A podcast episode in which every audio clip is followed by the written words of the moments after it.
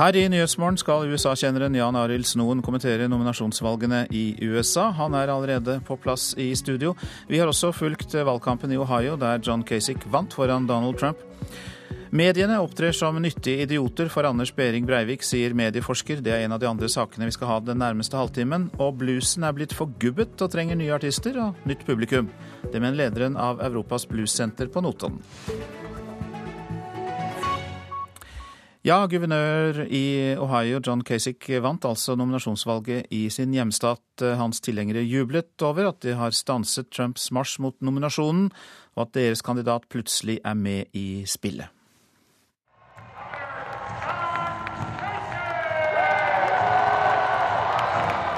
Til tonene av Thunderstruck heies John Kasich fram i gymsalen, der han holder valgvake. Han har nettopp kastet litt basketball på et privat område for å varme opp til kampen videre.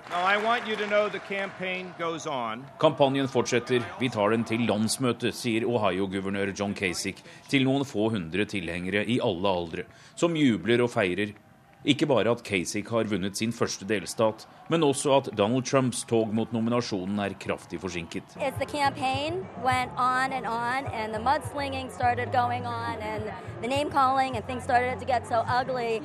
Jamie Tyne skjønte at Kasich ville gjøre det bra da de andre kandidatene begynte å skjelle hverandre ut.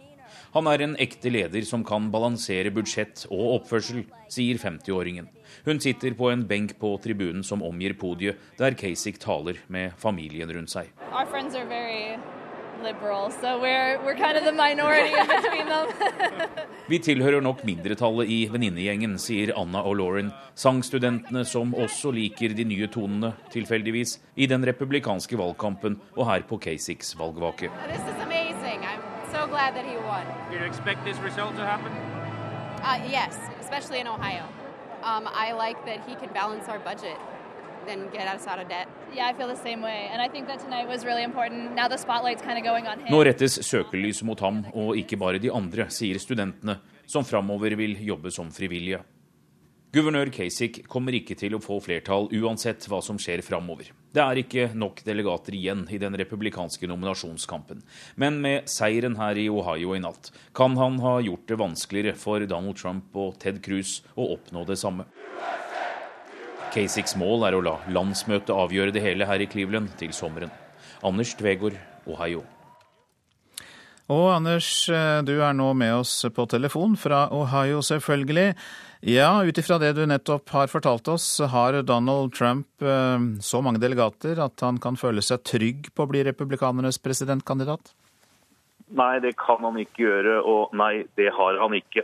Etter uh, nattas valg så er det like kaotisk og uoversiktlig som før, bortsett fra at han har klart å snevre inn feltet. Marco Rubio han gir seg etter et uh, sviende nederlag for Trump i hjemstaten Florida.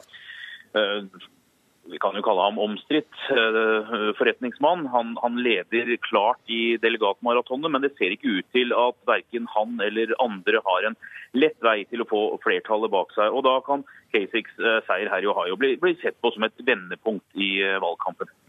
På republikanernes side, hvem vil det da først og fremst stå mellom i de nominasjonene som gjenstår? Det blir hovedsakelig et uh, topersonsløp framover mellom Donald Trump og, og senator uh, Ted Cruz. Uh, Kasich han har ikke kvalifisert seg for å være med i alle delstater framover. Uh, Cruz han kommer til terreng som ikke er like vennlige som uh, i sør, selv om han selv hevder at han har fått seire i alle USAs hjørner. Eh, men eh, de andre kandidatene samler likevel rundt 60-65 eh, av stemmene, slik at Trump ikke nødvendigvis går av med, med seieren.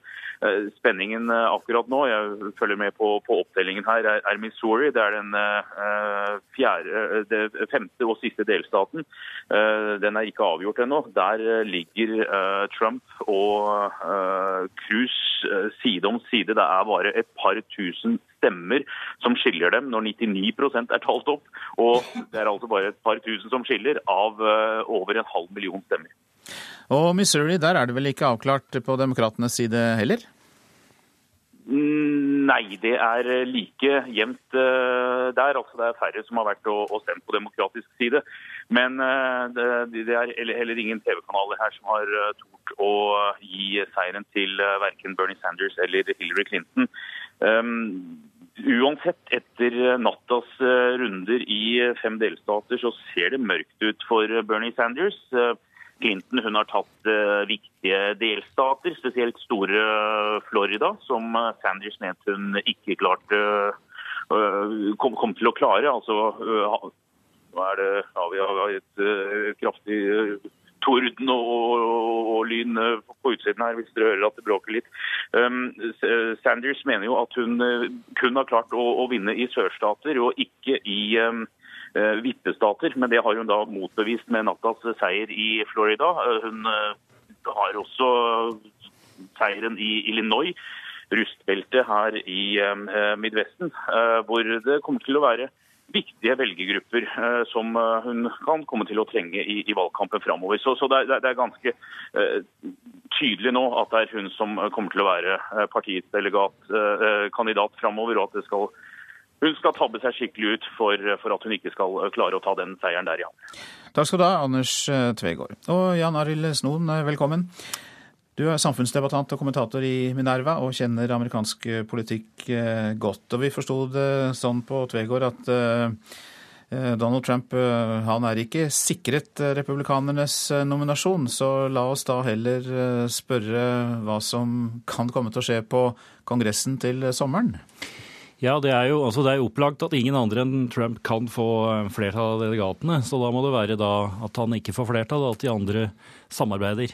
Eh, men også hvis det skal skje, så tror jeg at eh, Kasich og Cruise, de to som er igjen, de må dele kartet mellom seg. De må samarbeide, rett og slett, for de står sterkt på ulike steder.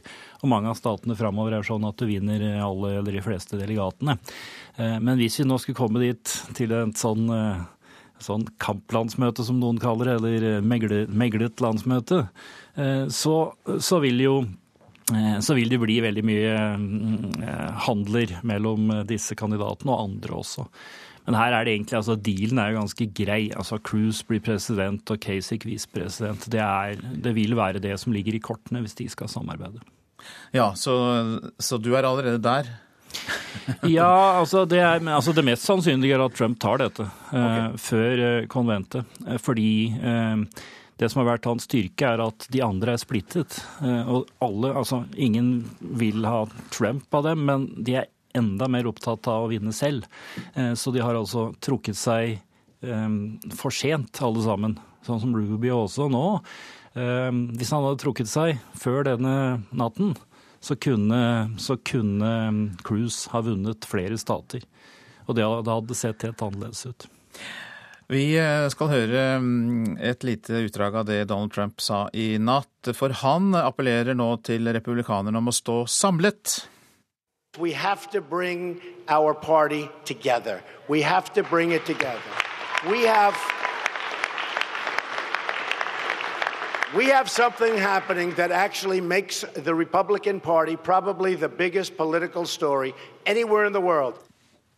Ja, klarer han å samle partiet? Ja, Det blir vanskelig. Altså På um, valgdagsmålingene i dag, uh, eller i natt, uh, så er det av de som ikke stemte på Trump, så er det 60% som sier at de heller ville ha stemt på et tredje parti. Altså Det er veldig mange som er veldig imot Trump. Nå er det nok ikke sånn at de gjør alvor av det. Det blir nok ikke noe tredje parti heller, tror jeg, selv om det ikke skal utelukkes. Men det er veldig mange som er veldig imot. Det er sånn med Trump, enten så er de veldig for eller veldig imot. Og det gjelder også en del av de som vanligvis eh, stemmer på republikanerne. Eh, så han er nå på dette sporet at han skal samle. altså Nå mener han at han har vunnet, eh, og da skal han samle. Men han har ikke akkurat lagt opp til det tidligere, så det vil bli vanskelig for han. Ja, Hva er det med Trump? Er det personligheten, er det politikken som gjør at han er så hatet også da langt inn i republikanernes parti? Ja, Det har nok både med stil å gjøre, men også at han, eh, at han i den grad han har en politikk, og det mangler på mange områder, så, så er ikke den sånn som republikanere har vært de siste 30-40 årene. Eh, så han, han, appellerer, han appellerer til en nasjonalisme som er basert på frykt for, eh, for utlendinger, enten de er i USA eller utafor. Det er kjernen i hans budskap. Oppfatning av at USA er på nedgang og truet fra alle kanter. Og det er ikke nødvendigvis republikanernes eh, politikk å se det på den måten? Nei, altså det er klart at Mange av disse tingene er, har vært en del av, av republikansk politikk, særlig det med innvandring. Der de har hatt en streng innvandringspolitikk. Men, men ikke det med handelspolitikk, f.eks., der han er proteksjonist og vil ha eh, murer, i billedlig forstand. Eh, det har ikke vært republikanernes politikk. Og også på utenriks, utenriks- og forsvarspolitikken så er det ganske store eh, forskjeller. Det er jo lenge fram til den virkelige kampen mellom eh, to kandidater begynner til høsten. Hva tror du? Tror du det blir Hillary Clinton og Donald Trump? Ja, det tror jeg. Altså, Hillary Clinton er omtrent i mål. Det er litt mer hindringer for, for Trump, men det ser sånn ut nå. Og da da er Hillary Clinton klar favoritt. Selv om eh, jeg og alle som har avskrevet Trump før, skal være forsiktige med å gjøre det for bastant. Men problemet er altså at han har veldig mange, og et flertall i amerikanske folk som er veldig imot han. Og alle har en oppfatning, så han må overbevise en del av de som nå er sterkt imot han, til likevel å stemme på han. Og det, det er vanskelig. Mange takk skal du ha i denne omgang, Jan Arild Snoen, samfunnsdebattant og kommentator i eh, Minerva. Så tar jeg fatt på det avisen er opptatt av i dag. Her mobbes ingen lenger, skriver Federlandsvennen om eh, Moseidmoen skole i Vennesla. Den er et eksempel på at mobbing går ned både i landet som helhet og i Vest-Agder, som den siste elevundersøkelsen viser. Utviklingen er strålende, sier oppvekstsjef i Kristiansand, Arild Rekve. Fra november innfører byrådet igjen miljøfartsgrense på 60 km i timen på hovedveiene i Oslo, får vi vite i Aftenposten i dag. Norges Automobilforbund mener effekten av lavere fart er null, mens byråd fra Miljøpartiet De Grønne, Marie Nienberg, sier det vil bidra til mindre svevestøv og bedre luft. Cecilia Brekkhus raser mot Norges idrettsforbund, skriver VG. Hun sier NIF forsøker å svartmale hennes holdning til doping for å hindre at det arrangeres et profesjonelt boksestevne i Norge. Brekkhus hevder at hun vil lage et system som er det strengeste i verden, for hun vil ikke møte en bokser som er dopet. Kristelig Folkeparti vil stramme inn abortloven, er oppslaget i Klassekampen. Kvinnene må gjennom en obligatorisk refleksjonstid på opptil to døgn før de får gjennomført abort, foreslår partiets programkomité. Slik skal brannfolk stoppe voldsmenn, skriver Bergens Tidende. Politi, brannvesen og ambulansetjeneste trener nå for å kunne håndtere voldssituasjoner. Også de frivillige brannmannskapene fra alle typer yrker, som lærere, rørleggere og lastebilsjåfører, lærer seg å gripe inn mot alvorlig vold. Nordmenn lærer kurdere å drepe IS-krigere, kan vi lese i Vårt Land. Soldater fra Telemark bataljon trener opp kurdiske peshmerga-soldater i en treningsleir ved Erbil. Slik militær opplæring er ikke uten problemer, sier forsker Erling Påske ved Institutt for fredsforskning. Bonuskutt for Telenor-topper er oppslaget i Dagens Næringsliv. Styret var så misfornøyd med håndteringen av VimpelCom-saken at bonusene til Jan Fredrik Baksås og to andre Telenor-ledere ble barbert. Dagbladet advarer oss mot for lite søvn. De refererer til en ny forskning som viser at for lite søvn svekker hjernen. Du jobber dårligere, husker dårligere og får dårligere humør. Ja, det sier nevrolog og søvnforsker Stine Knutsen.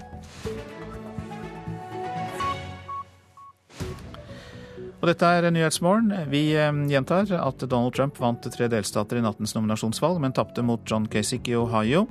Marco Rubio trekker seg etter at Trump vant hans hjemstat Florida. På demokratenes side vant Hillary Clinton fire nominasjonsvalg. Opptellingen i Missouri er ennå ikke ferdig. En innsatt som soner isolat kan få isolasjonsskader selv om vedkommende har kontakt med ansatte i fengselet. Det sier psykolog eh, Joar Øverås Halvorsen. Mer om det etter klokka sju.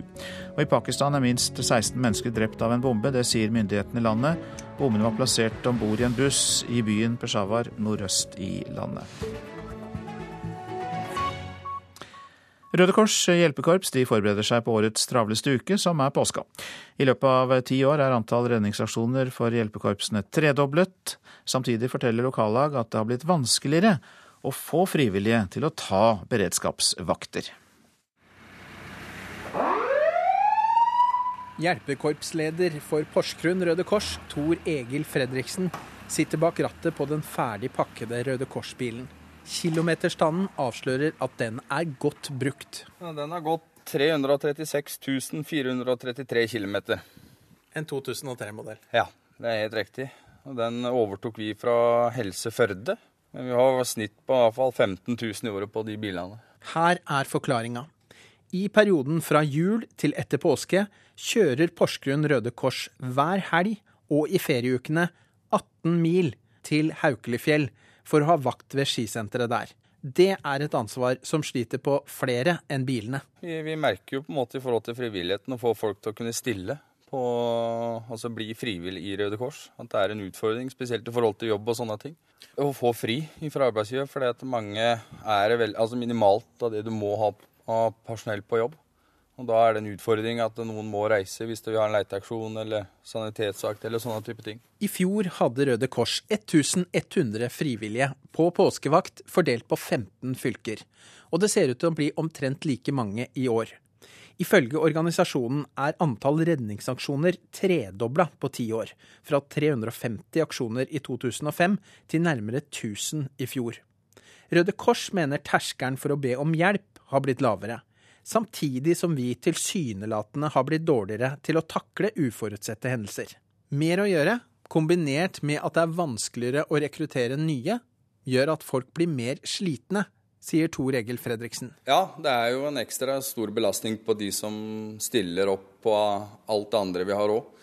I tillegg til Haukeli så har vi alt av sanitetsvakter ved siden av, pluss leteaksjoner som kommer. Når påska er ferdig, så begynner vi jo rett på båttjenesten vår, og da går den helt til oktober igjen. Så da Det går i ett hele året. Sigbjørn Lillefjære har vært med i Røde Kors i 38 år. Han forteller at mens det tidligere var ventelister for å komme opp på fjellet, må man i dag tilrettelegge for at folk skal kunne ta vakter der. Nå så har vi gjort det sånn at vi har med familie oppover for å få folk til å bli med opp. Se for at de må sitte igjen hjemme og andre delen er oppe på fjellet. Hele samfunnet har jo blitt annerledes når det gjelder å få med seg folk. Så vi må tenke helt annerledes enn det vi gjorde for 40 år siden. Blir dere satt pris på, Tor Egil Fredriksen? Ja, det gjør vi. Vi får mye e-post tilbake, brev, sjokolade som vi får på, i vaktbua på Haukeli, som folk setter pris på for den jobben vi gjør. da. Og det spørsmålet vi får, er at hvordan gidder å bruke så mye tid på det. Og det er jo akkurat for den takken man får etterpå, da. At man har hjulpet noen som er i en vanskelig situasjon. Det at du føler at du har gjort en eh, innsats, at du er tilfreds med det du har gjort, vært oppe og vært sikkerhet for andre, passa på, det er den betalinga vi får. Annen betaling har vi ikke. Og vi legger til at Røde Kors håper de nye fjellvettreglene skal føre til at det blir færre redningsaksjoner. Reporter var Ken-Willy Wilhelmsen. Ingrid Tandrevold debuterer i morgen i verdenscupen i skiskyting med sprint i Kanti Mansik. Og selv om hun prøver å tenke at det bare er et vanlig skirenn, er det lettere sagt enn gjort. Skulle gjerne følt meg kanskje i litt bedre form, men men det er på slutten av sesongen, og det er mange som eh, kanskje ikke føler at de er i sin, sin beste form og slitne etter et VM, så jeg satser på at jeg skal ha litt mer overskudd enn mange andre som har konkurrert der. Trener for Norges utviklingslandslag for kvinner, Arild Askestad, sier Tandrevold først og fremst er med til Russland for å lære. Men Det kan jo forvente at du gjør gode løp, da. Eh, hun har jo gjort eh, gode løp eh, hittil i sesongen. Tandrevold har i hvert fall klare forventninger til seg selv. Jeg håper jo at jeg får til et godt renn, sånn at jeg får gå en jaktstart på på lørdag. Altså, jeg har ikke lyst til å dra til Russland for å gå en 7,5 km og sitte og se på resten. Reporter Ida Moseng. Mediene opptrer som nyttige idioter for Anders Behring Breivik, det sier medieforsker. Rettssaken som startet i går, ble behørig dekket av både norske og utenlandske medier, og noen mener det ble for mye. Eh, hvis dette hadde vært en ukjent person, så ville det jo knapt fått oppmerksomhet. Men fordi Breivik er en kjent person, så får det stor oppmerksomhet i mediene. Og dette er jo sånn sett en form for, for kjendisjournalistikk. Det sier medieforsker Paul Bjerke om mediedekninga etter første dag av rettssaken mellom Anders Behring Breivik og staten. Det er et problem for journalistikken at den i sånne sammenhenger blir en slags nyttig idiot. Saka var øverst på alle de største nettavisene store deler av dagen i går, og var høyt oppe på hva det ble mest tvitra om i verden. En av meldingene på mikrobloggetjenester var Trist når norske medier så til de grader gir Behring Breivik akkurat det han vil ha, oppmerksomhet i form av forsidene på nett. Signert Civita-rådgiver Eirik Løkke, som forklarer nærere. Jeg skjønner veldig godt at denne saken har eh, offentlig interesse. det blir vel summen av det som blir litt vel mye, syns jeg. Det som ble det største temaet, var bildet av terroristen som gjør nazihelsing, og internasjonale medium som BBC, CNN, New York Times og The Independent hadde alle sak og bilde. Eh, ved å gjøre denne nazihilsen når han eh, møtte opp i retten, rettet mot eh, pressefolkene, så fikk han jo akkurat den oppmerksomheten som han hadde ønsket seg. Tar, eller Noen medier kunne vel sagt vi ønsker ikke å delta i dette showet som Breivik regisserer. Dagbladet var en av de som viste bildet og hadde flere saker om rettssaker. Redaksjonssjef Hilde Skjerve reagerer på kritikken fra Bjerke. Det skulle jo tatt seg ut hvis eh, vi begynte å sensurere det her. Eh, det ville jo vært et demokratisk eh, problem. Men det er jo selvfølgelig viktig at Altså at vi ser utfordringen vi har også i media med at vi må unngå sirkus, og at den gis for stort rom da, til å spre propaganda.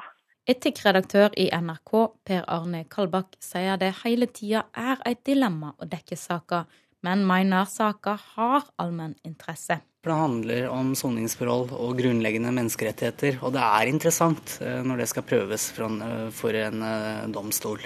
Noen mener at vi ikke burde vist bilder av med en gang. Det mener jeg at vi må gjøre. Det er en del av å dokumentere det som skjer.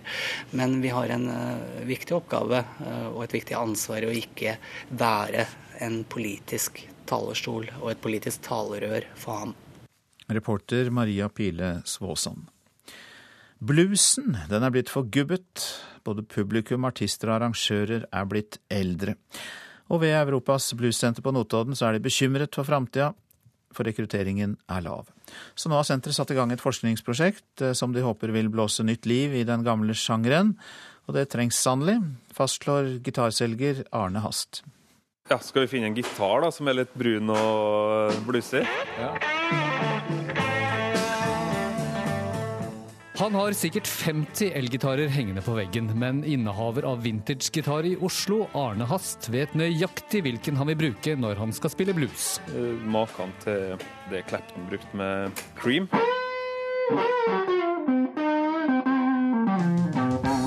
Men gitarkundene er ikke så opptatt av blues lenger, sier Hast. I hvert fall ikke de unge. Nei, altså det er ikke så mange som kommer med sliderøret på lillefingeren og vil høres ut som Duane Holman eller Clapton eller eh, Steve Ray Vaughan for den saks skyld. Du, du merker at de har ikke den driven til akkurat det greiene der. Dette er en problemstilling Europas bluessenter på Notodden kjenner godt. For 30 år siden var blues en sterk sjanger, men de siste årene har det skjedd en forgubbing. Og den må man forsøke å stanse, sier daglig leder ved bluessenteret, Espen Fjelle. Bluespublikummet har blitt eldre, bluesartistene har blitt eldre, og arrangørene har også blitt eldre i løpet av disse årene.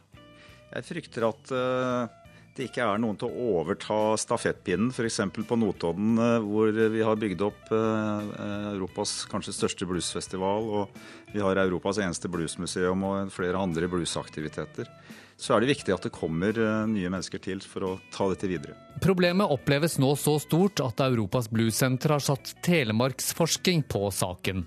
Mari Torvik Heian skal lede arbeidet og presentere det under bluesfestivalen i august. I dette prosjektet ønsker vi altså å få kunnskap om hva slags status blues har i Norge.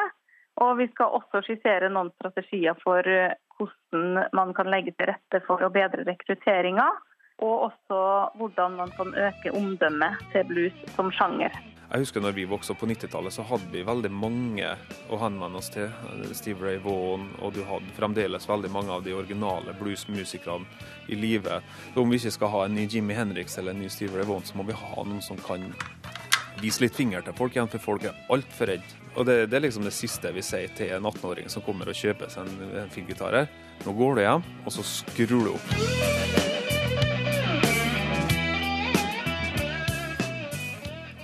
Reporter var Petter Sommer. Så var det været. Fjellet i Sør-Norge først, og det blir stort sett pent vær, kort og godt. Agder, Telemark og Østlandet, det ser vi samlet, og det blir stort sett pent også der, men det kan bli lokal tåke i morgentimene nå. Rogaland, eh, der snakker vi om stedvis tåke eller tåkeskyer i ytre strøk, men ellers pent. Hordaland, eh, tåke eller tåkeskyer i ytre strøk, eh, også der, men ellers pent vær i Hordaland.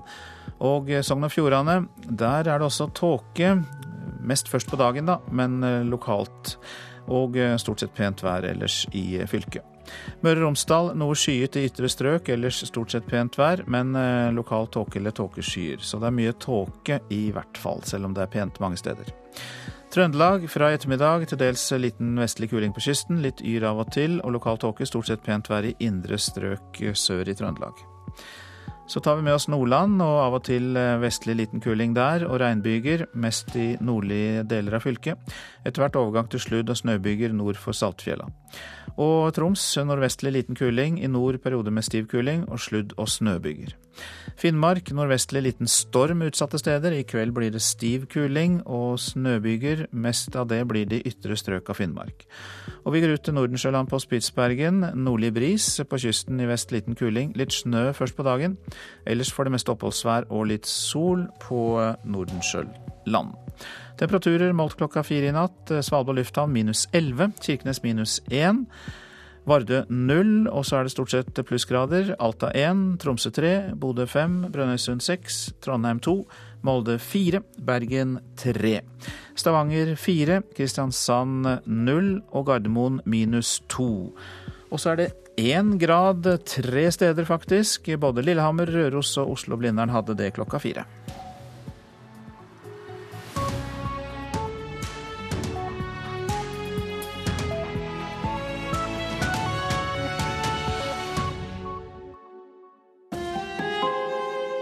Hør ekko.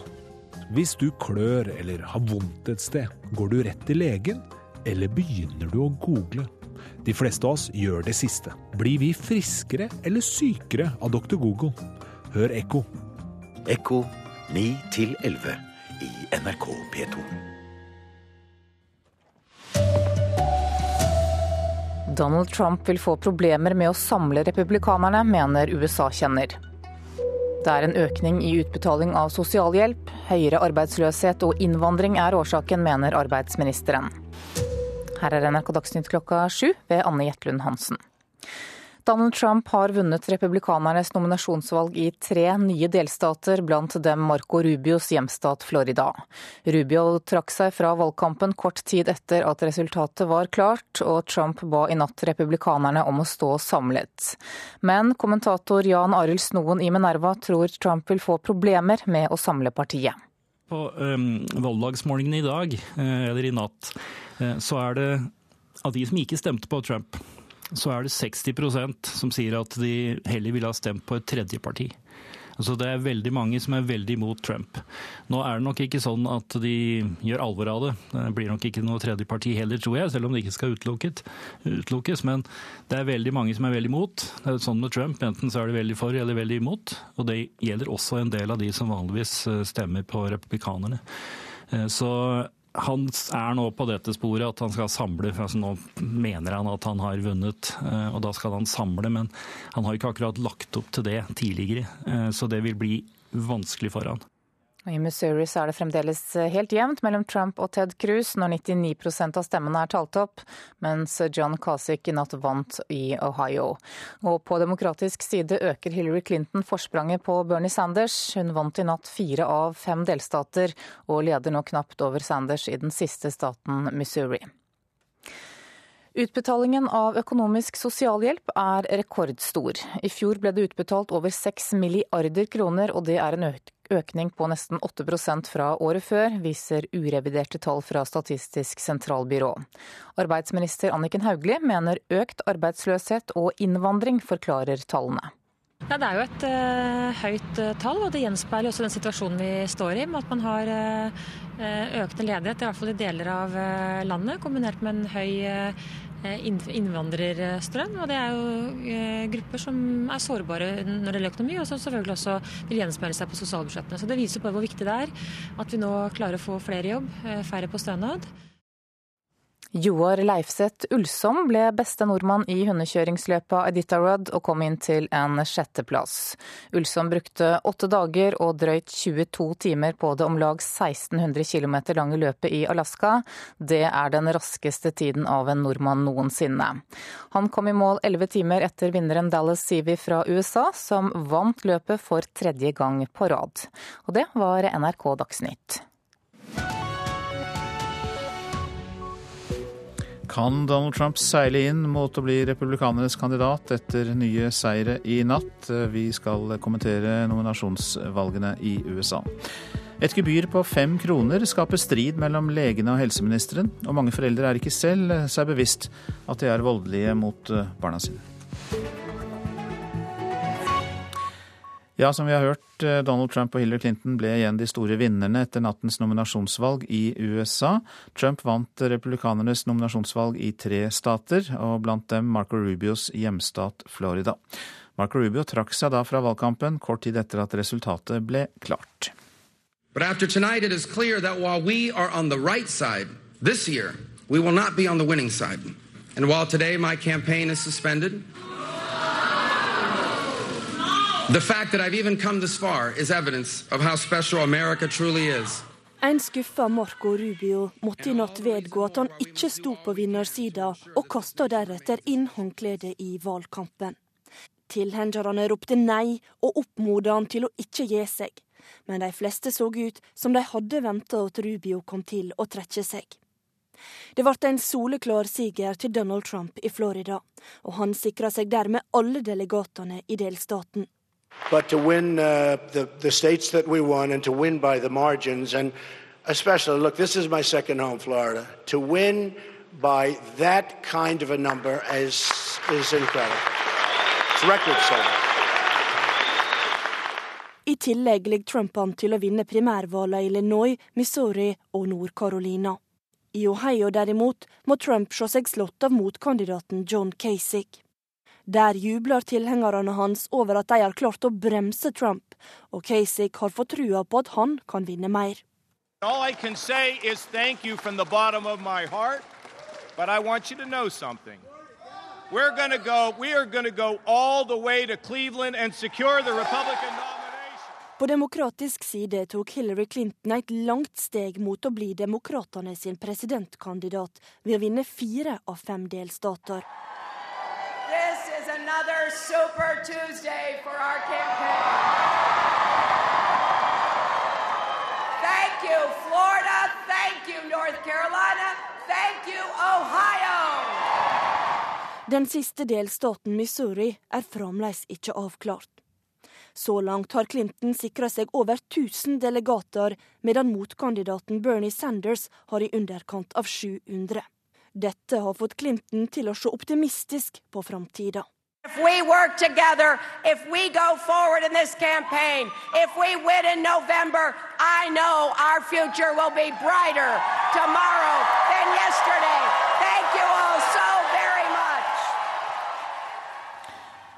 Hillary Clinton til slutt der, og reporter var Marte Halsør. USA-korrespondent Tove Bjørgaas, du er med oss, og du har fulgt valgkampen i Florida.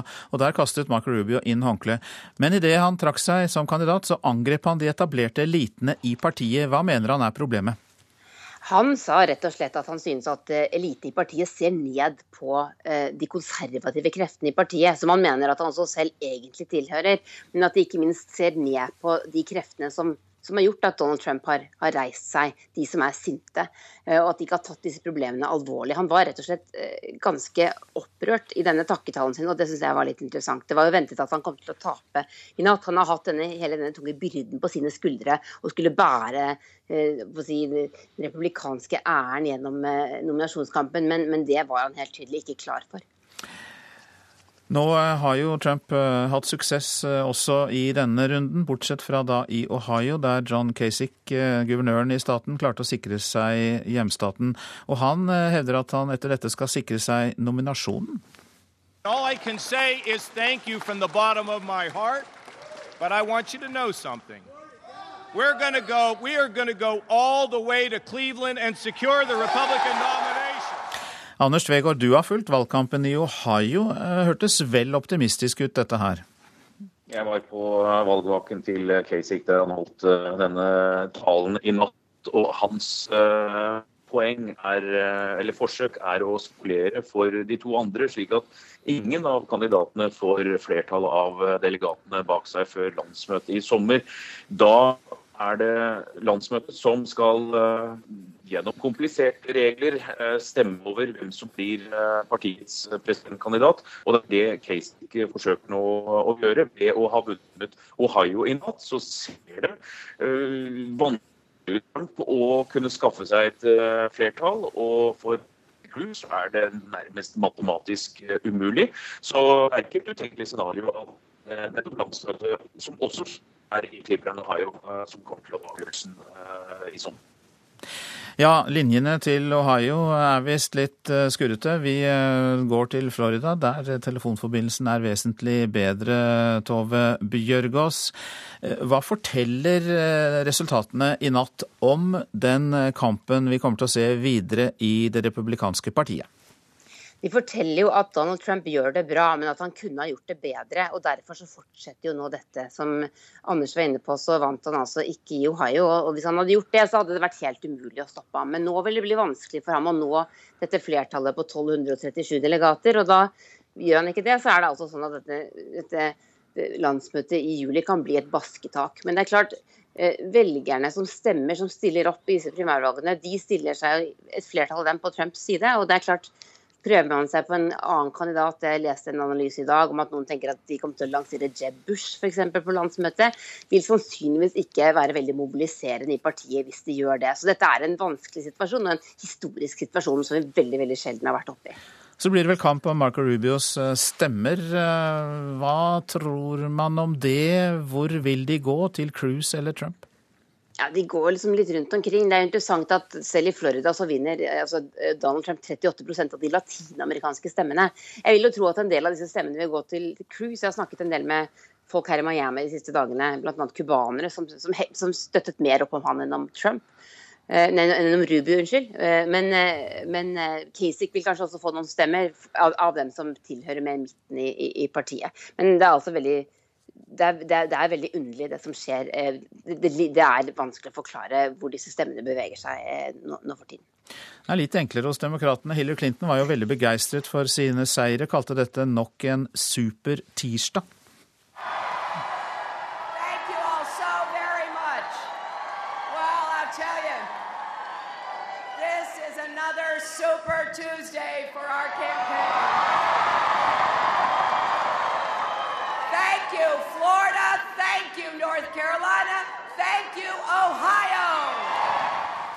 Ja, Hvor super var eh, Hillary Clintons tirsdag, Tove Bjørgaas? Den var ganske så super. Hun gjør nesten rent bord. Det er altså dødt løp i Missouri mellom henne og Sanders, men ellers så tar hun rubbel og bit. Demokratene har jo ikke dette systemet med at vinneren får alle delegatene i noen av disse delstatene, men hun viser nå at hun er i ferd med å feste grepet om denne nominasjonen, og at det blir veldig vanskelig for Bernie Sanders å klare å ta henne igjen nå, selv om han fortsetter sin valgkamp. Og jeg tror Eh, hun også har, blant annet I Florida så vinner hun helt overlegent. Det gjør hun også i Ohio. og Hun, eh, hun har jo nå går veldig hardt ut mot Trump og denne retorikken, disse demonstrasjonene, den rasismen, alt dette som har skjedd de siste ukene. Og, hun vinner nok på det, men, men, sliter altså stadig litt med å mobilisere og få nok mennesker til å stille opp for faktisk å stemme. og Det er jo det alle lurer på. F.eks. her i Florida, den kanskje aller viktigste delstaten ved valget i november. Er det helt sikkert at Hillary Clinton vil vinne her dersom det blir henne mot Trump? Det er det mange som lurer på. Ja, Det blir interessant å se disse mm, møtene de skal ha i partiene. For eh, republikanere så kan det jo gå mot krangel korridorpolitikk og hestehandel i juli. Mens demokratene, som vel har sitt møte litt seinere, kan på en måte bare bære Clinton fram på en stemningsbølge. Ja, det er kanskje ikke så enkelt heller for demokratene. Fordi eh, det er jo en misnøye med Hillary Clintons eh, sentrumspolitikk, eller kanskje sentrum mot høyrepolitikk. Mange i partiet befinner seg til venstre for henne. Derfor gjør Bernie Sanders det mye bedre enn det som var ventet. Så jeg tror vi vil se at hun kommer til å velge en visepresidentkandidat som står til venstre for henne, og at hun er nødt til å gjøre det. Eh, demokratene er helt nødt til å mobilisere unge velgere, kvinner og de på venstresiden i partiet, om de skal klare å, å, å stå imot denne bølgen av entusiasme som jo Donald Trump helt tydelig har skapt. Takk skal dere ha. Tove Bjørgaas til slutt der fra Florida, og vi hørte også Anders Tvegård fra Ohio. Når en innsatt i fengsel sitter på isolasjon, så vil ikke kontakt med ansatte hindre isolasjonsskader. Det er psykolog Joar Øverås Halvorsen som sier det. Advokat Øystein Storvik mener jo da at Breivik har fått isolasjonsskader, og det er noe statens advokat benekter. Hvis en opplever at den kontakten fra fengselsansatte ikke er genuin, altså det er ikke noe genuin sosial kontakt, så tror jeg at den sosiale kontakten i liten grad kan oppveie for, for, de skadene en kan ha av å sitte eh, sosialt isolert. Sier klinisk psykolog Joar Øverås Halvorsen ved Nidaros DPS i Trondheim. Han snakker på generelt grunnlag. Han har vært ekstern ekspert ved Sivilombudsmannens torturforebyggende enhet, og har doktorgrad i tortur. I går Anders Behring Breivik ankommer rettssalen og gjør nazihilsen. I tre timer i dag skal han forklare seg. Nå får retten høre hans versjon av hvordan det strenge soningsregimet påvirker. Breivik har fått isolasjonsskader, sa advokat Øystein Storvik i retten i går. Er man ikke sammen med andre, så er man isolert. Det brytes ikke av uh, uansett hvor mange voktere man måtte møte i løpet av en dag, eller advokat og helsepersonell disse tingene. Men det benektet advokat ved regjeringsadvokaten Marius Embeland i går. Selv om vi får høre at Breivik er isolert, så betyr ikke det at EMK er krenket av den grunn. Han viser til utstrakt kontakt med ansatte. De lager mat, snakker sammen og spiller fotball. Når en innsatt er isolert fra kontakt med andre domfelte, slik Breivik er, vil ikke alltid kontakt med ansatte hjelpe, sier Øverås Halvorsen. Kontakten mellom ulike innsatte vil være av en annen kvalitet enn den kontakten mellom ansatte og innsatte. Da. På hvilken måte da? Så jeg tenker at Det er andre former for sosial interaksjon. ikke sant? Altså At en, en innsatt sin kontakt med andre innsatte følger på en måte kanskje noen litt andre sosiale normer, eller eh, bærer preg av å være mer likeverdig, da, ikke sant? Mens ansatte sin kontakt med innsatte er på en måte en litt annen relasjon. Reporter her, det var eh, Ellen Omland. Og vi eh, skal ha kontakt med deg nå, Runar Henriksen Jørstad. Du er i Skien og er vår reporter som følger rettssaken mellom staten og Anders Behring Breivik, som altså gjelder hans soningsforhold, selvfølgelig. Hva skal skje i retten i dag? Jeg står nå utenfor eh, Skien fengsel. Her skal eh, Anders Behring Breivik forklare seg i dag. I tillegg skal eh, rettspsykiater Randi Rosenquist vitne. Og til slutt skal retten ha en befaring på Breivik sine tre celler. Hva kan vi forvente oss av Breiviks forklaring? Det er en fri forklaring. Han har fått eh, tre timer. Den skal jo handle om eh, soningsforholdene hans. Spørsmålet blir jo hvor mye ideologi han eh, trekker inn, og ikke minst hvor mye av dette dommeren tillater eller ikke. Og så nevnte du Randi Rosenquist, rettspsykiater. Hvorfor skal hun vitne?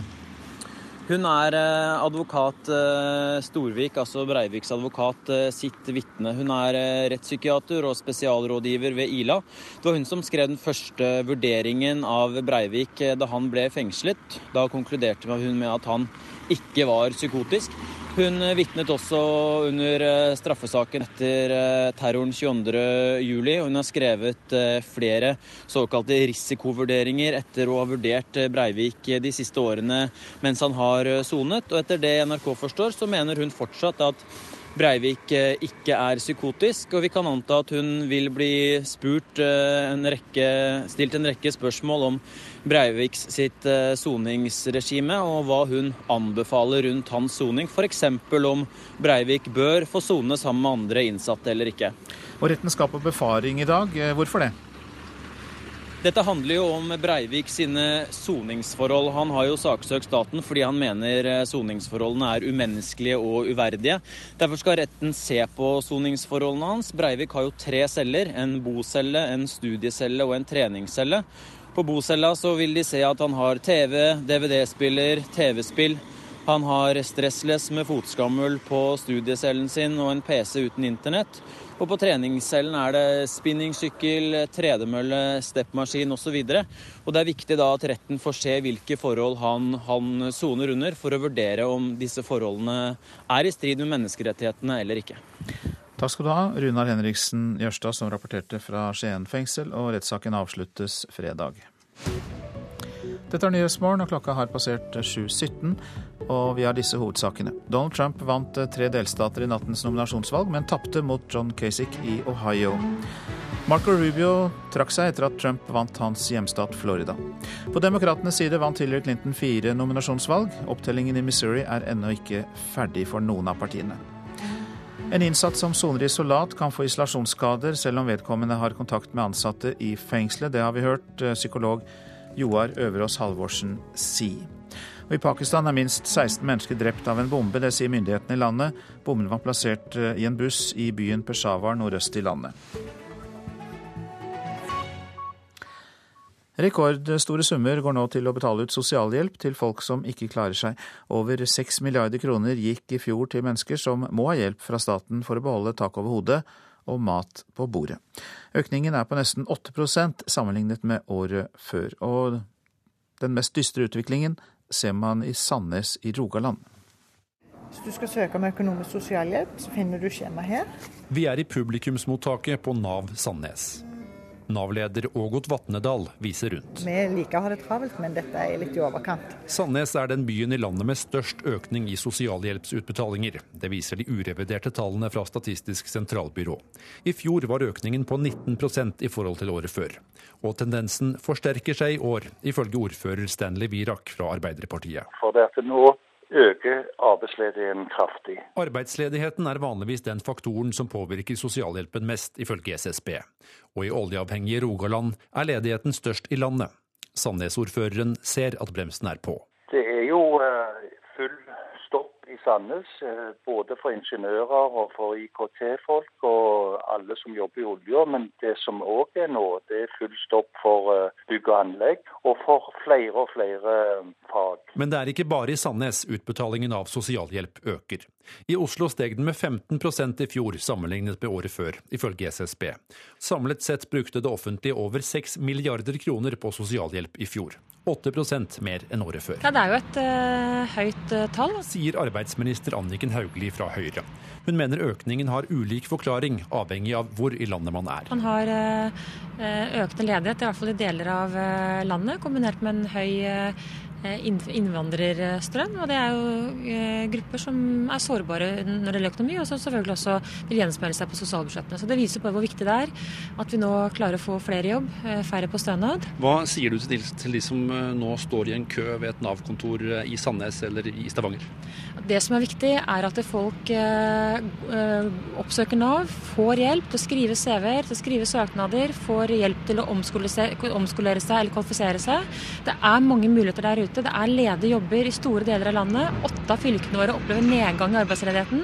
Så det er mange muligheter ute. Så det gjelder bare nå å se dem og benytte seg av de anledningene, og så få hjelp fra Nav-kontoret til å komme seg videre. Tilbake i Sandnes er Nav-lederen urolig for fremtiden. For Vi ser hvis denne arbeidsledigheten fester seg, at det vil fortsette å være så høy arbeidsledighet i Sandnes, så tror vi at flere vil trenge sosialhjelp, ja. Reportere Fredrik Lauritzen og Kjersti Hetland. Og det blir debatt om arbeidsledighet og sosialstøtte i Politisk kvarter kvart på åtte. Nå til en strid om fem kroner. NHO-foreningen Abelia klager helseministeren inn for Sivilombudsmannen fordi fastleger ikke lenger får lov til å ta gebyr på fem kroner når pasientene betaler med kort. I helgen vant 70 år gamle Dag Otto Øgle en to år lang kamp mot gebyret, og fikk også fullt medhold av helseministeren. Men Abelia mener dette forbudet mot gebyr hindrer legene i å ta i bruk ny og viktig teknologi. Vi er bekymret for en forskrift som hindrer fornying og utvikling av eh, velferds- og helseteknologiske løsninger. Håkon Haugli er administrerende direktør i Abelia. Også han fikk med seg helgas jubel over gebyret som ble fjerna 1.1 i år. Jeg tenker som så at David har jo vunnet mot Goliat før, så hvorfor ikke? Men spørsmålet er altså om den femkroningen er så voldsomt ødeleggende for den teknologiske framgangen på legekontorer. Ikke denne femmeren isolert sett, men denne femmeren river jo i hvert fall grunnlaget vekk fra den type teknisk løsning. Og det er jo dette med å ta ny teknologi i bruk i, i helsesektoren er alle enige om at man skal gjøre. Hauglie hevder helseminister Høie har snikinnført forskrifter som hindrer legene i å legge et gebyr på fem kroner på kortbetalinger. Nå klager han departementet inn for Sivilombudsmannen. Forskriften ble først innført, og så endret uten at partene var eh, involvert i det. Så det er riktig, vi ønsker å få prøvd om, er, eh, om det er riktig lovtolkning. Føler du ikke at kampen for at eh, pasientene skal betale en femkroning blir litt eh, smålig? Ja, det kan man. jeg jeg skjønner at saken kan se sånn. Jeg har stor sympati med han som ikke ønsker å betale den femkroningen. Men det som er viktig framover, det er jo at vi utformer et regelverk som gjør at vi gir pasientene bedre helse og muligheter til å løse oppgaver på nye måter. Og eh, i valget mellom femkroning i gebyr og et bedre helsevesen, tror jeg veldig mange vil velge det siste. Jo, altså jeg er helt enig med Abelia at dette er viktig med innovasjon i helsevesenet og på alle andre plasser i, i Norge. Den kjøper jeg godt. Sier Dag Otto Øgle, den engasjerte pensjonisten som i helga sto fram som vinneren i gebyrkampen. Men, eh, men det, ikke, det, er, det, er, ikke vi som pasienter som skal betale det. Ja, Du har ikke tenkt å gi deg hvis Sivilombudsmannen Jeg kommer ikke til å gi meg på dette her. Altså, hvis jeg må gå til retten for å dunke det med hodet, så gjør jeg gjerne det. Og femmerstriden var det reporter Bjørn Atle Lillestad som fortalte om. Så til det avisen er opptatt av. Her mobbes ingen lenger, skriver Fedrelandsvennen om Moseidmoen skole i Vennesla. Den er et eksempel på at mobbing går ned både i landet som helhet og i Vest-Agder. Eh, det viser den siste elevundersøkelsen. Utviklingen er strålende, sier oppvekstsjef i Kristiansand, Arild Rekve. Fra november innfører byrådet igjen miljøfartsgrense på 60 km i timen på hovedveiene i Oslo, får vi vite i Aftenposten. Norges Automobilforbund mener effekten av lavere fart er null, mens byråd fra Miljøpartiet De Grønne, Marie Nien Berg, sier det vil bidra til mindre svevestøv og bedre luft. Cecilia Brekkhus raser mot Norges idrettsforbund, skriver VG. Hun sier NIF forsøker å svartmale hennes holdning til doping for å hindre det arrangementet at det arrangeres profesjonelt boksestevne i Norge. Brekkhus hevder at hun vil lage et system som er det strengeste i verden, for hun vil ikke møte en bokser som er dopet. Kristelig Folkeparti vil stramme inn abortloven, er oppslaget i Klassekampen. Kvinnene må gjennom en obligatorisk refleksjonstid på opptil to døgn før de får gjennomføre abort, foreslår partiets programkomité. Slik skal brannfolk stoppe voldsmenn, skriver Bergens Tidende. Politi, brannvesen og ambulansetjeneste trener nå for å kunne håndtere voldssituasjoner, og de trener altså sammen. Også frivillige brannmannskaper er med for å lære seg å gripe inn mot alvorlig vold. Nordmenn lærer kurdere å drepe IS-krigere, kan vi lese i Vårt Land. Soldater fra Telemark bataljon trener opp kurdiske persmerga-soldater i en treningsleir ved Erbil. Slik militær opplæring er ikke uten problemer, sier forsker Erling Påske ved Institutt for fredsforskning. Bonuskutt for Telenor-topper er oppslaget i Dagens Næringsliv. Styret var så misfornøyd med håndteringen av VimpelCom-saken at bonusene til Jan Fredrik Baksås og to andre Telenor-ledere ble barbert. Dagbladet advarer oss mot for lite søvn. De refererer til ny norsk forskning som viser at for lite søvn svekker hjernen. Vi jobber dårligere, husker dårligere og får dårligere humør. Det sier nevrolog og søvnforsker Stine Knutsen. Mange foreldre vet bare ikke at de er voldelige mot barna sine. Å kaste en mobil i veggen i ren aggresjon, det kan skremme og skade barn for resten av livet, sier fagfolk NRK har snakket med. Hvert 20. barn under 18 år i Norge har opplevd å bli utsatt for alvorlig vold fra foreldrene, viser tall fra Bufetat. Ofte så handler det om foreldre som er slitne, har mye å gjøre i hverdagen, tida strekker ikke til. Frustrasjon, avmakt er vel også følelser som ofte ligger bak, som fører til at de da kjefter, tar hardt i armen, eh, dytter, kanskje noen slår, og som gjør at barn blir veldig, veldig redde. Det sier familieterapeut Erik Andreassen hos familievernkontoret Østfold, som hver uke møter voldelige foreldre og barn som blir utsatt for vold fra sine nærmeste. 30% av norske barn under 18 år har opplevd lugging, klyping, risting, dytting eller slag med flat hånd, viser tall fra Bufetat. Vi har en ganske vid definisjon på vold. At f.eks. det å kaste en mobiltelefon i veggen i sinne, at det er også vold mot barn. Og barn som vi snakker med, forteller at de blir jo kjemperedde eh, av det som de opplever som ukontrollert sinne fra foreldrene. Hvert 20. barn under 18 år her i landet opplever alvorlig vold fra foreldrene sine. Uvitenhet er en av grunnene, mener Andreassen. At de tenker ikke at det de gjør er skadelig. At det er en måte å få ut sinne på som er, de sjøl tenker er legitimt. Og det er ikke det for de barna som opplever det. De blir utrolig redde. Det å, å se foreldre er ukontrollert sinte, det er, det er skremmende for barn, altså. Og det skader dem. Jo mindre barna er, jo mer skadelig er det. Vi vet at dette her er ekstremt skadelig for barn. Å være i et miljø hvor de er, eh, hvor de er redde. Og det skader jo også barns muligheter for å klare å konsentrere seg på skolen. Som gjør at de blir urolige, sliter kanskje med atferdsproblemer, atferdsvansker. Som da kanskje også blir sanksjonert fra lærere med, med kjeft. Som gjør det opprinnelige problemet enda større igjen. Så heller ikke skolen da blir en trygg arena for, eh, for barna å oppholde seg på. Hvor de blir rett og slett retraumatisert. Ann-Kristin Johansen ved Høgskolen i Østfold forsker på hva voldsutsatte barn svarer i dommeravhør. Hun mener vi må lytte ekstra til barn vi er bekymret for. De bruker f.eks. begreper som det at da ble jeg sur, da ble jeg irritert. Om eh, opplevelser som kanskje faktisk er livstruende. Så det tenker jeg at det er viktig at eh, folk er klar over. Hvis vi forventer at barn skal fortelle om vold, så bruker de ofte ikke de begrepa. Eh, og dum kan jo bety f.eks. å bli kasta i senga og bli låst inne på rommet. Vi som voksne, som samfunn, som lærere, som helsesøstre, vi må tørre å spørre. Og vi må tørre å tro at vold kan være årsak. For du, du, du ser ikke før du tror at det faktisk kan skje. Det kan skje i alle hjem. Reporter her var Anette Torjussen. Du lytter til Nyhetsmorgen, og produsent i dag er Marit Selmer Nedrelid. I studio Øystein Heggen. I reportasjen etter Dagsnytt skal vi møte en avhopper fra Nord-Korea som har en fortid fra innsiden av maktapparatet i det svært lukkede landet. Høyres arbeidsminister Anniken Hauglie og nestleder i Arbeiderpartiet Hadia Tajik diskuterer arbeidsledigheten i Politisk kvarter. Og der er også flyktningsituasjonen tema, bl.a. EUs avtale med Tyrkia.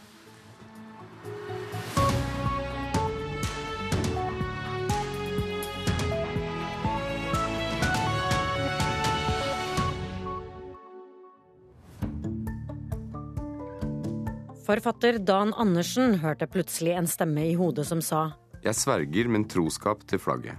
Men hvem var det som snakket? I boka Flaggtale prøver han å finne ut hva det vil si å være norsk i vår tid. Hør Kulturhuset i dag klokken 13 på NRK P2.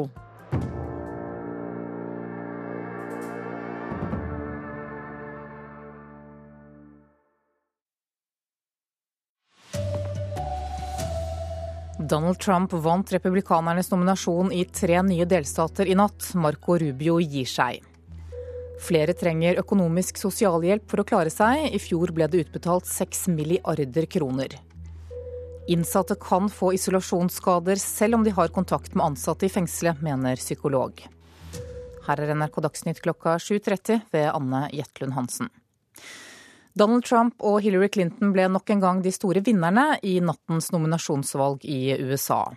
Trump vant republikanernes valg i tre delstater, blant dem Marco Rubios hjemstat Florida. Og Rubio trakk seg fra valgkampen kort tid etter at resultatet var klart. But after tonight, it is clear that while we are on the right side this year, we will not be on the winning side. And while today my campaign is suspended, en skuffa Marco Rubio måtte i natt vedgå at han ikke sto på vinnersida, og kasta deretter inn håndkledet i valgkampen. Dermed spisser kampen seg om Rubio sine velgere. Det ble en soleklar siger til Donald Trump i Florida, og han sikra seg dermed alle delegatene i delstaten. Home, Florida. To win by that kind of a number is, is incredible. It's record setting. I tillegg ligger Trump an til å vinne primærvalgene i Illinois, Missouri og Nord-Carolina. I Ohio derimot må Trump se seg slått av motkandidaten John Kasich. Han har dermed sett en liten stopper for Trump og får trua på at han kan vinne mer. Go. På demokratisk side tok Hillary Clinton et langt steg mot å bli demokratene sin presidentkandidat ved å vinne fire av fem delstater. Den siste delstaten, Missouri, er ennå ikke avklart.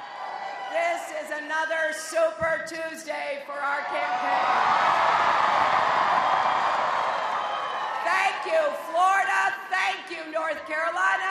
Thank you, Ohio. Reporter var Marte Halsør. USA-korrespondent Tove Bjørgaas, hva betyr det for republikanerne at Rubio nå trekker seg?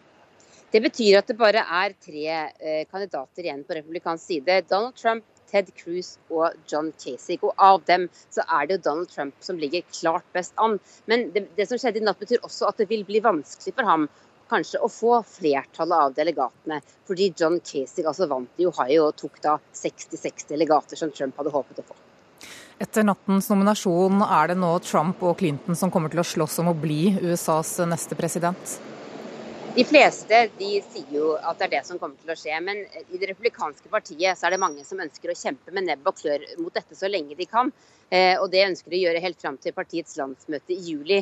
Der hvis Eh, Donald Trump ikke har fått et flertall av delegatene, så kan partiet stille en motkandidat. Og Da kan de stille hvem de vil som motkandidat. Men det vil selvfølgelig være upopulært, fordi Donald Trump nå har så voldsom støtte i, i, i viktige deler av den republikanske velgermassen. Så dette er en helt historisk situasjon som vi ikke har sett på, på svært mange tiår. Takk skal du ha, Tove Bjørgaas. Her hjemme trenger flere økonomisk sosialhjelp nå for å klare seg. I fjor ble det utbetalt 6 milliarder kroner i sosialhjelp, og det er en økning på 8% fra året før. Og den mest dystre utviklingen er i Sandnes i Rogaland. Hvis du skal søke om økonomisk sosialhjelp, så finner du skjema her. Vi er i publikumsmottaket på Nav Sandnes.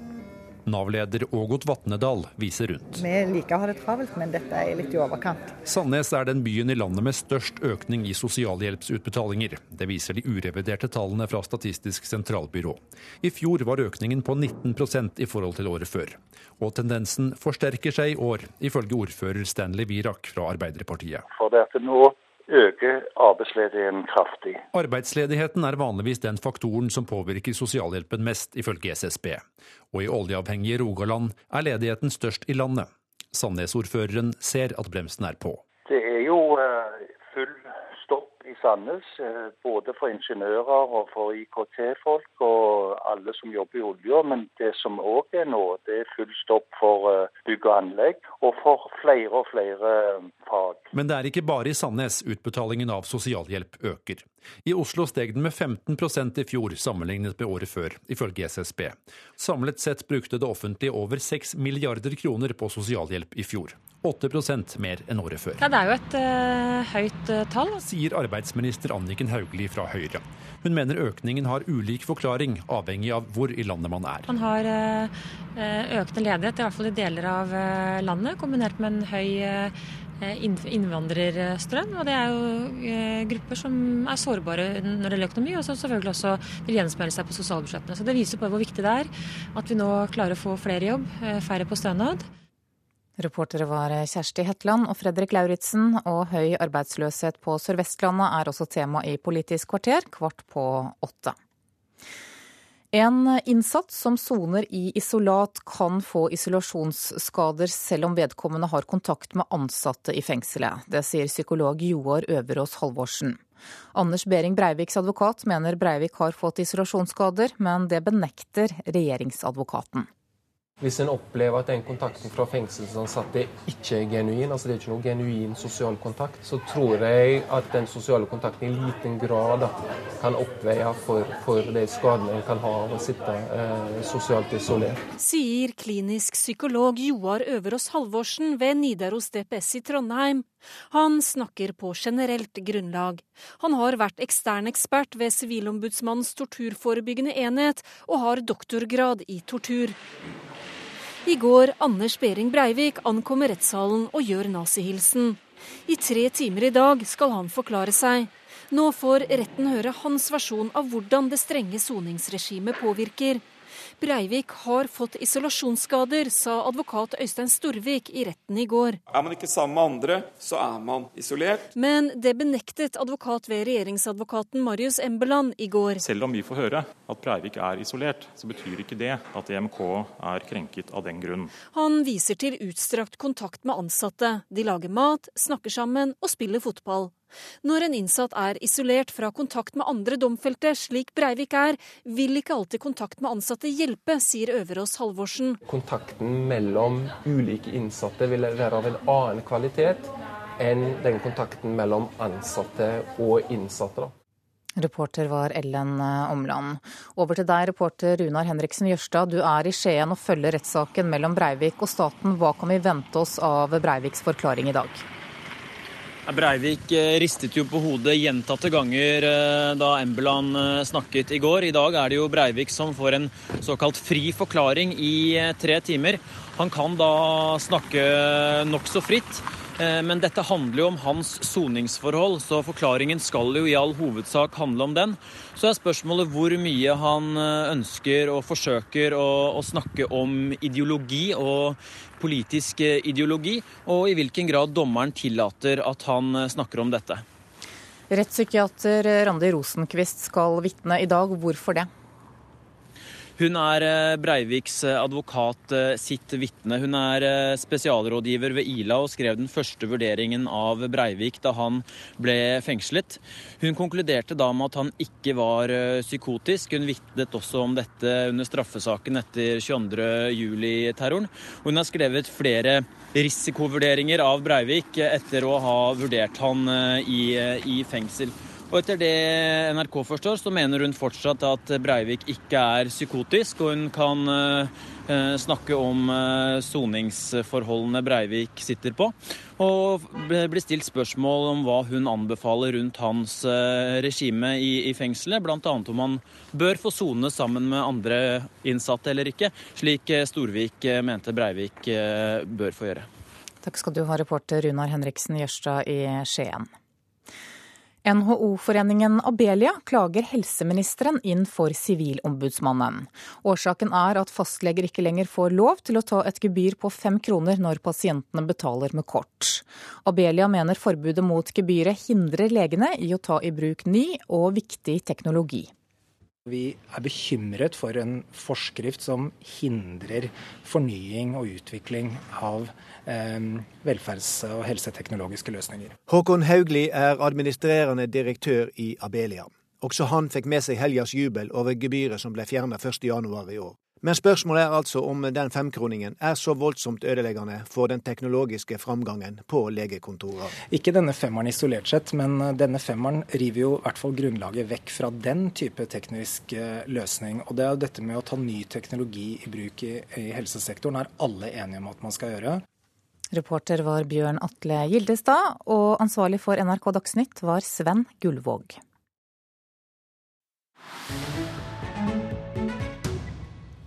Her i Nyhetsmorgen skal vi møte en avhopper fra Nord-Korea som skiller seg fra andre avhoppere fordi han har en fortid fra innsiden av maktapparatet i det svært lukkede landet. I dag jobber han for at Nord-Koreas leder Kim Jong-un en dag må bli sendt til den internasjonale straffedomstolen i Haag. Kald vind strømmer gjennom gatene i Genéve. Vinteren har ikke helt sluppet taket. I en av gatene har en avhopper fra Nord-Korea en avtale med utenlandske journalister. Ved hjelp av en tolk får de frammøtte avhopperens dramatiske historie. An Myong-sheol er en ekstra ettertraktet avhopper fordi han har selv vært en del av maktapparatet i det lukkede landet Nord-Korea. I dag jobber han for at lederen i Nord-Korea må framstilles for den internasjonale straffedomstolen i Haag. 사람들이기 때문에 당연히 그 사람들을 처벌을 하고 처형하고 해도 무방하다 이런 교육을 많이 받았고 Jeg var hjernevasket i mange år. Avhopperen hadde ledende jobber i flere leirer der politiske fanger ble fryktelig behandlet.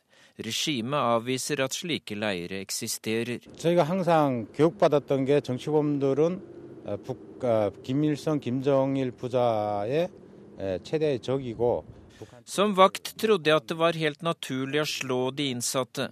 Selv da jeg var vitne til at politiske fanger ble skutt, trodde jeg det var en naturlig del av det å beskytte regimet.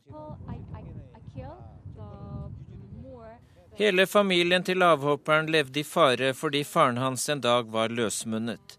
I andres påhør kritiserte han regimet, og spesielt leder Kim Jong-un. Det begynte å brenne under beina på alle familiemedlemmene. Mor, søster og bror ble sendt til en av leirene for politiske fanger. Faren innså hvilken tabbe han hadde gjort, og tok sitt eget liv. Etter farens kritikk av regimet ble Sheol nøye overvåket. En dag klarte han å stikke av. Han kom seg forbi sjekkposter og til grenseelva mellom Nord-Korea og Kina. I Kina fikk han hjelp til å komme seg til Sør-Korea. Det er langt fra de rolige gatene i Genéve til overgrepene i leirene i Nord-Korea. Selv 20 år etter at Sheol rømte fra hjemlandet, er han preget av den tiden. Et syn som stadig hjemsøker ham i de vonde drømmene, er en kvinnelig politisk fange som ble voldtatt av sjefen hans mens han selv måtte se på. Kvinnen ble ytterligere straffet ved å måtte jobbe hardt i en kullgruve. Der mistet hun begge beina i en ulykke. Avhopperen var med å slå politiske fanger. Selv hevder han at han ikke har skutt og drept noen, kun vært vitne til drap. We are closing in on the North Koreans. Denne stemmen tilhører FNs spesialrapportør Marzuki Darosman. Han jobber for FNs menneskerettsråd. Han har som mål å stille Nord-Koreas leder Kim Jong-un for den internasjonale straffedomstolen i Haag. Anywhere in that country without the say-so of the highest supreme leader, chairman of that country, uh, Mr. Kim Jong-un. Det er ingenting som skjer uten at det er godkjent av store leder Kim Jong-un, sier FN-sjefen til nyhetsbyrået Associated Press. FN mener han står bak forbrytelser mot menneskeheten. Hvis FN-sjefen og avhopperen en dag lykkes med å få Nord-Koreas leder til Haag, vil 300 ofre og øyenvitner fortelle hva de har sett og vært utsatt for. En av historiene som kan være med å felle Nord-Koreas leder i framtida, er den til avhopperen An Myong-sheol for han kjenner systemet fra innsiden. Og Dag Bredvei var eh, reporter her. Dette er hovedsaker i Nyhetsmorgen. Donald Trump vant tre delstater i nattens nominasjonsvalg, men tapte mot John Kasich i Ohio. Marco Rubio trekker seg etter at Trump vant hans hjemstat, Florida. På demokratenes side vant Hillary Clinton fire nominasjonsvalg. Opptellingen i Missouri er ennå ikke ferdig. En innsatt som soner isolat kan få isolasjonsskader selv om vedkommende har kontakt med ansatte i fengselet. Det sier psykolog Joar Øverås Halvorsen. Rekordmange er på sosialstøtte. I fjor brukte samfunnet over 6 milliarder kroner på økonomisk sosialhjelp. Økningen er på nesten 8% sammenlignet med året før. Og I Pakistan er minst 16 mennesker drept av en bombe. Det sier myndighetene i landet. Bomben var plassert i en buss i byen Peshawar nordøst i landet. Det er Politisk kvarter nå, ved Lilla Sølhusvik.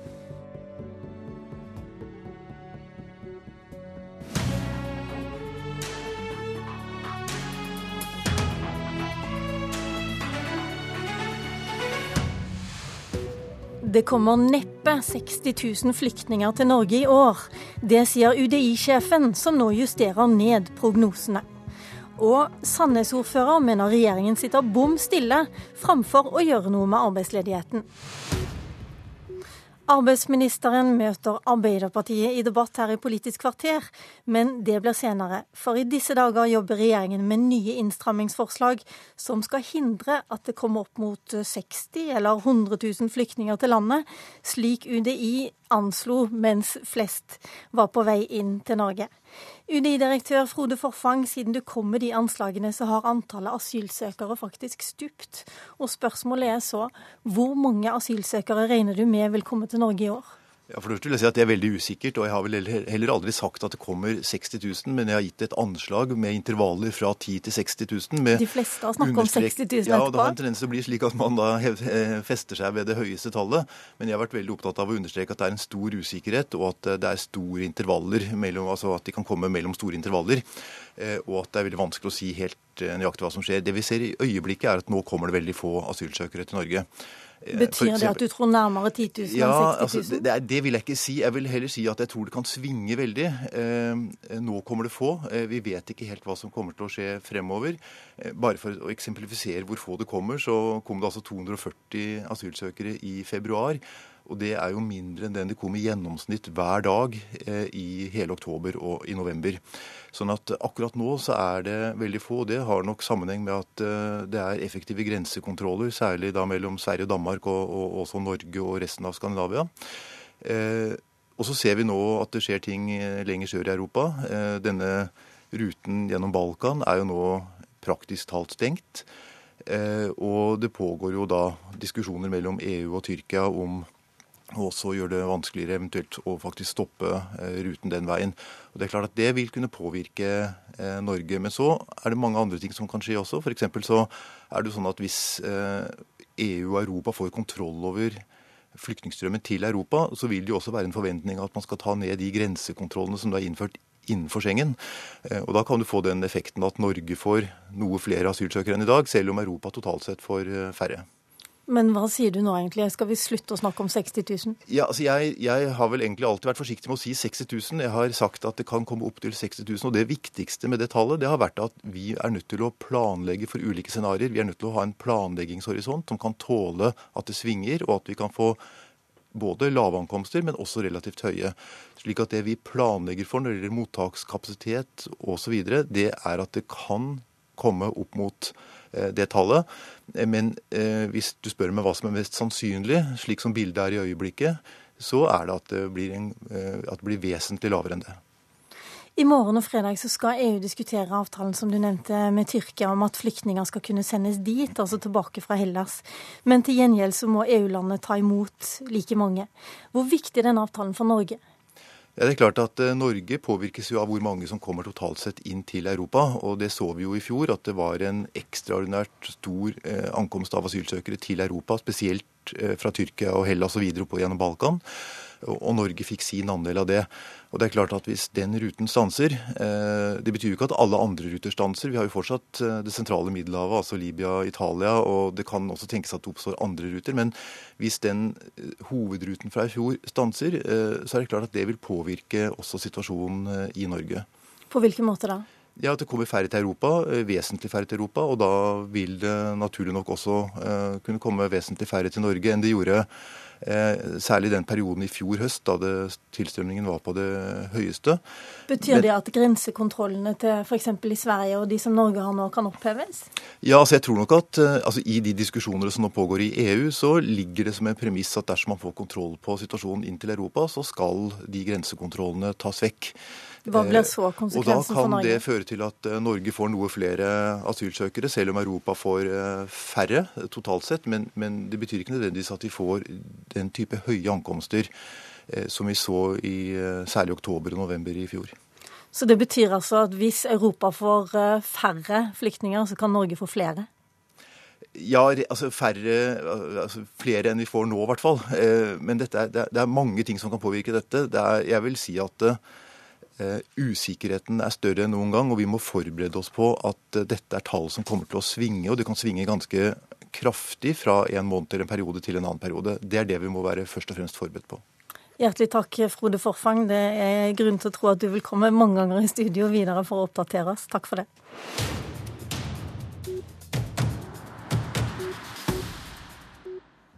Ved siden av flyktningkrisen er lav oljepris og arbeidsledighet det som i størst grad påvirker norsk økonomi. I Dagsnytt har vi denne morgenen hørt om rekordstore summer som går til sosialhjelp, og Stanley Virak er Arbeiderpartiordfører i Sandnes, byen med den største økningen. Han mener han knapt kan få, kjapt kan få folk i jobb, bare regjeringen stiller med mer penger.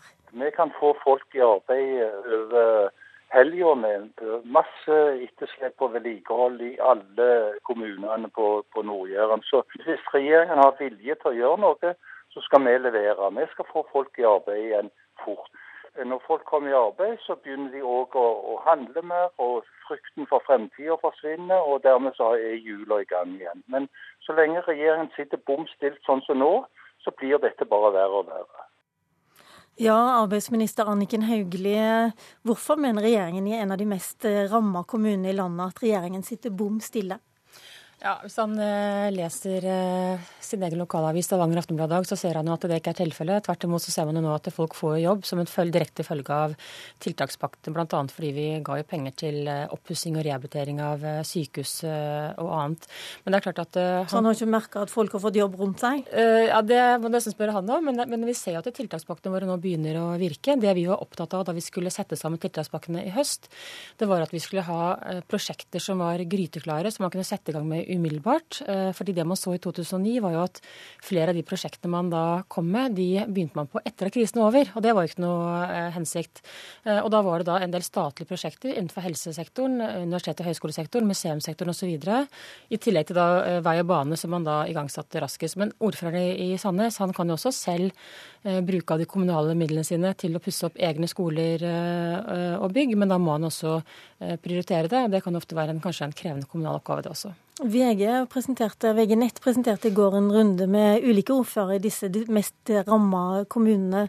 Og, og, de sa bl.a. at det, også kommuneøkonomien går nedover nå pga. at skatteinngangen blir mindre, så det er kanskje vanskelig for dem? Ja, Nå kjenner jeg ikke den enkelte kommuneøkonomi der, men det vi ser på kommunesektoren som helhet, får jo mer Eh, penger enn forventet gjennom bl.a. skatteopplegget. sånn at Det er jo ikke egentlig helt riktig heller, men det er mange av kommunene som eh, sliter. Men det som er viktig nå, er jo at eh, tiltakspakkene våre begynner å virke. Vi ser effekt av dem. Folk begynner å få jobb som en følge av dem.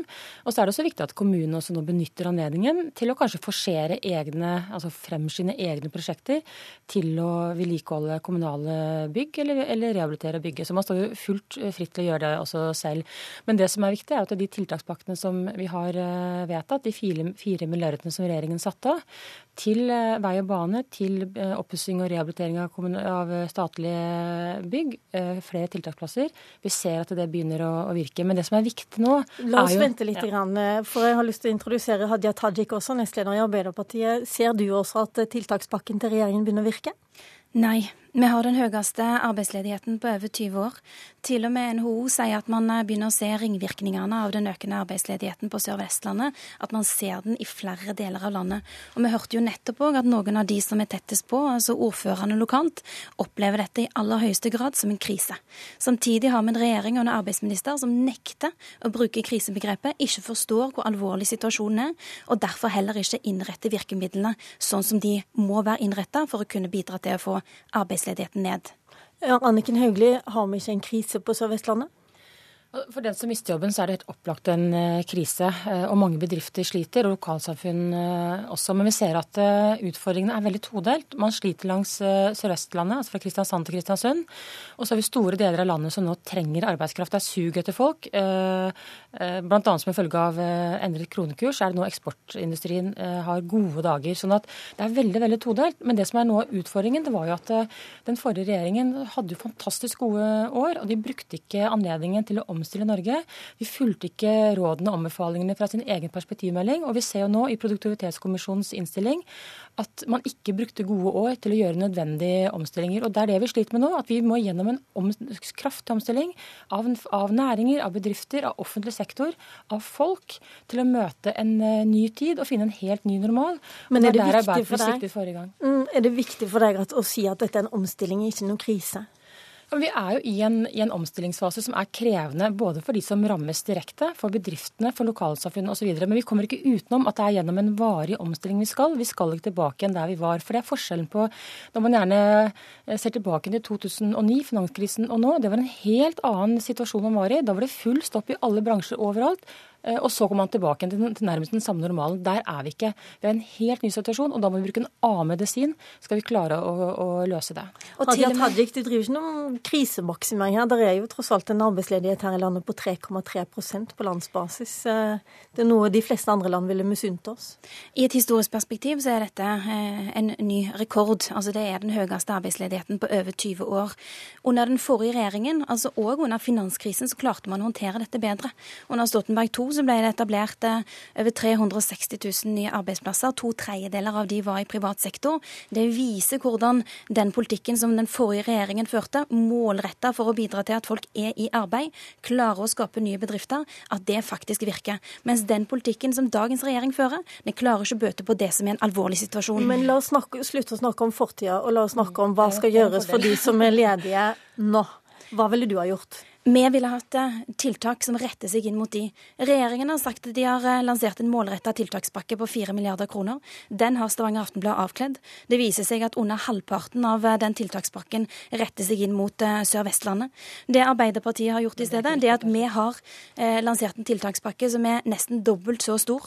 I den, i, I den, så ligger det flere tiltak. Blant annet så sørger vi for å utvide permitteringsregelverket i tråd med det som både LO, NHO og norsk industri ber om. Fordi dette er et virkemiddel som treffer akkurat de bedriftene som står i en vanskelig situasjon nå. Som ser at det er muligheter eh, altså på lengre sikt eh, ut i horisonten, men som trenger å kunne beholde kompetansen for å kunne vinne anbudene i dag. Men, men da må jeg bare si, altså I høst så la Arbeiderpartiet fram en tiltakspakke på 2,5 milliard. og Så kom vi med tiltakspakke på 4, og da fikk vi kritikk for å, å bruke uh, for mye. I tillegg så har de også en, ønsker dere å sende skatteregning på 10 milliarder til bedriftene. Det siste bedriftene trenger nå, og ber om nå, er en ekstra skatteregning. Så Det som er kritikkverdig med Arbeiderpartiet, det er at de sov i timen eh, da vi hadde muligheten til å gjøre omstillinger. Og de bruker nå fortidens eh, medisiner på dagens eh, sykdom. Og det, ikke, det, kommer ikke til å virke. Det er det som er problemet. Fordi vi trenger nå en varig omstilling. Vi må omstille bedrifter, vi må omstille folk. Eh, det er bl.a. en av bakgrunnen for at jeg nå har foreslått å endre dagpengeregelverket, som gjør at eh, flere av de som går på dagpenger, har muligheten til å kunne omskolere seg mens de går på dagpenger. Det har man ikke hatt muligheten til før. Og muligheten til å kunne starte bedrift og egen virksomhet mens man går på dagpenger, det har man heller ikke kunnet gjøre før. Og det kommer til å komme flere endringer. Fordi vi trenger tingene... omstilling av mennesker og bedrifter. En av de tingene som bedriftene faktisk ber om, og som LO og NHO ber om, det er jo utvida mulighet til å ha mm. folk permittert. Og Det har dere vurdert en stund, og det sier du egentlig nei til så langt. Ja, altså, Hvorfor ja, altså, det? det? som er noe utfordring med det, hvis man, hvis man, klarer å ha to tanker i hodet på en gang, og det bør man jo fra tid til annen forsøke å få til, det er jo at vi er på veldig uklare signaler på akkurat det. Uh, uh, Virke, YS, NITO, som organiserer ingeniørene, akademikerne, Eh, Nav selv, som er mitt eget fagdirektorat, de sier at ikke gjør det nå. Og Bakgrunnen for det er nettopp fordi at eh, ja, det er ledighet i, økte ledighet i deler av landet, men det er et sug etter folk i andre deler av landet. Mange bedrifter trenger kompetanse som de i dag ikke får tak i. Så, så jeg har vært opptatt av at ja, permitteringsantall eh, uker det, er, det, kan være et viktig virkemiddel. Om det er 30 uker, 40 uker eller 50 uker, det er, det er, ikke det som er det interessante. Det som er viktig er nå, er at vi sørger for å bruke de virkemidlene som bidrar til den omstillingen som vi er helt avhengig av at finner sted. Eh, og Nå er sagt, nå er som sagt eh, signalene veldig ulike, men jeg skjønner jo at den enkelte bedrift som gjerne vil holde den kompetansen i sin bedrift, er veldig veldig opptatt av dette. Det er ikke noe problem å forstå. Men jeg må også lytte til de bedriftene som sier at jeg, vi trenger også den kompetansen, at det er mobilitet i arbeidsstokken. Og det er det som er det store usikkerhetsmomentet med det forslaget. Og dessuten, og minst like viktig, øke antall permitteringsuker. Det, eh, det skaper heller ikke arbeidsplasser. Eh, tvert imot. Det løser ingenting. Det som virkelig ikke skaper arbeidsplasser, det er å gi ti ganger mer i skattekutt enn det man gir i målretta tiltak for ja, å få arbeidsledigheten ned. Det er det som denne regjeringen her har prioritert å gjøre, i stedet for å få ned arbeidsledigheten. Alle prognoser tilsier at ledigheten vil fortsette å øke. Da ble det litt skatt i denne sendingen også. Hjertelig takk til arbeidsminister Anniken Hauglie og til Arbeiderpartiets nestleder Hadia Tajik. Vårt, vårt tilmålte tid er over. Programleder i dag var Lilla Sølhusvik.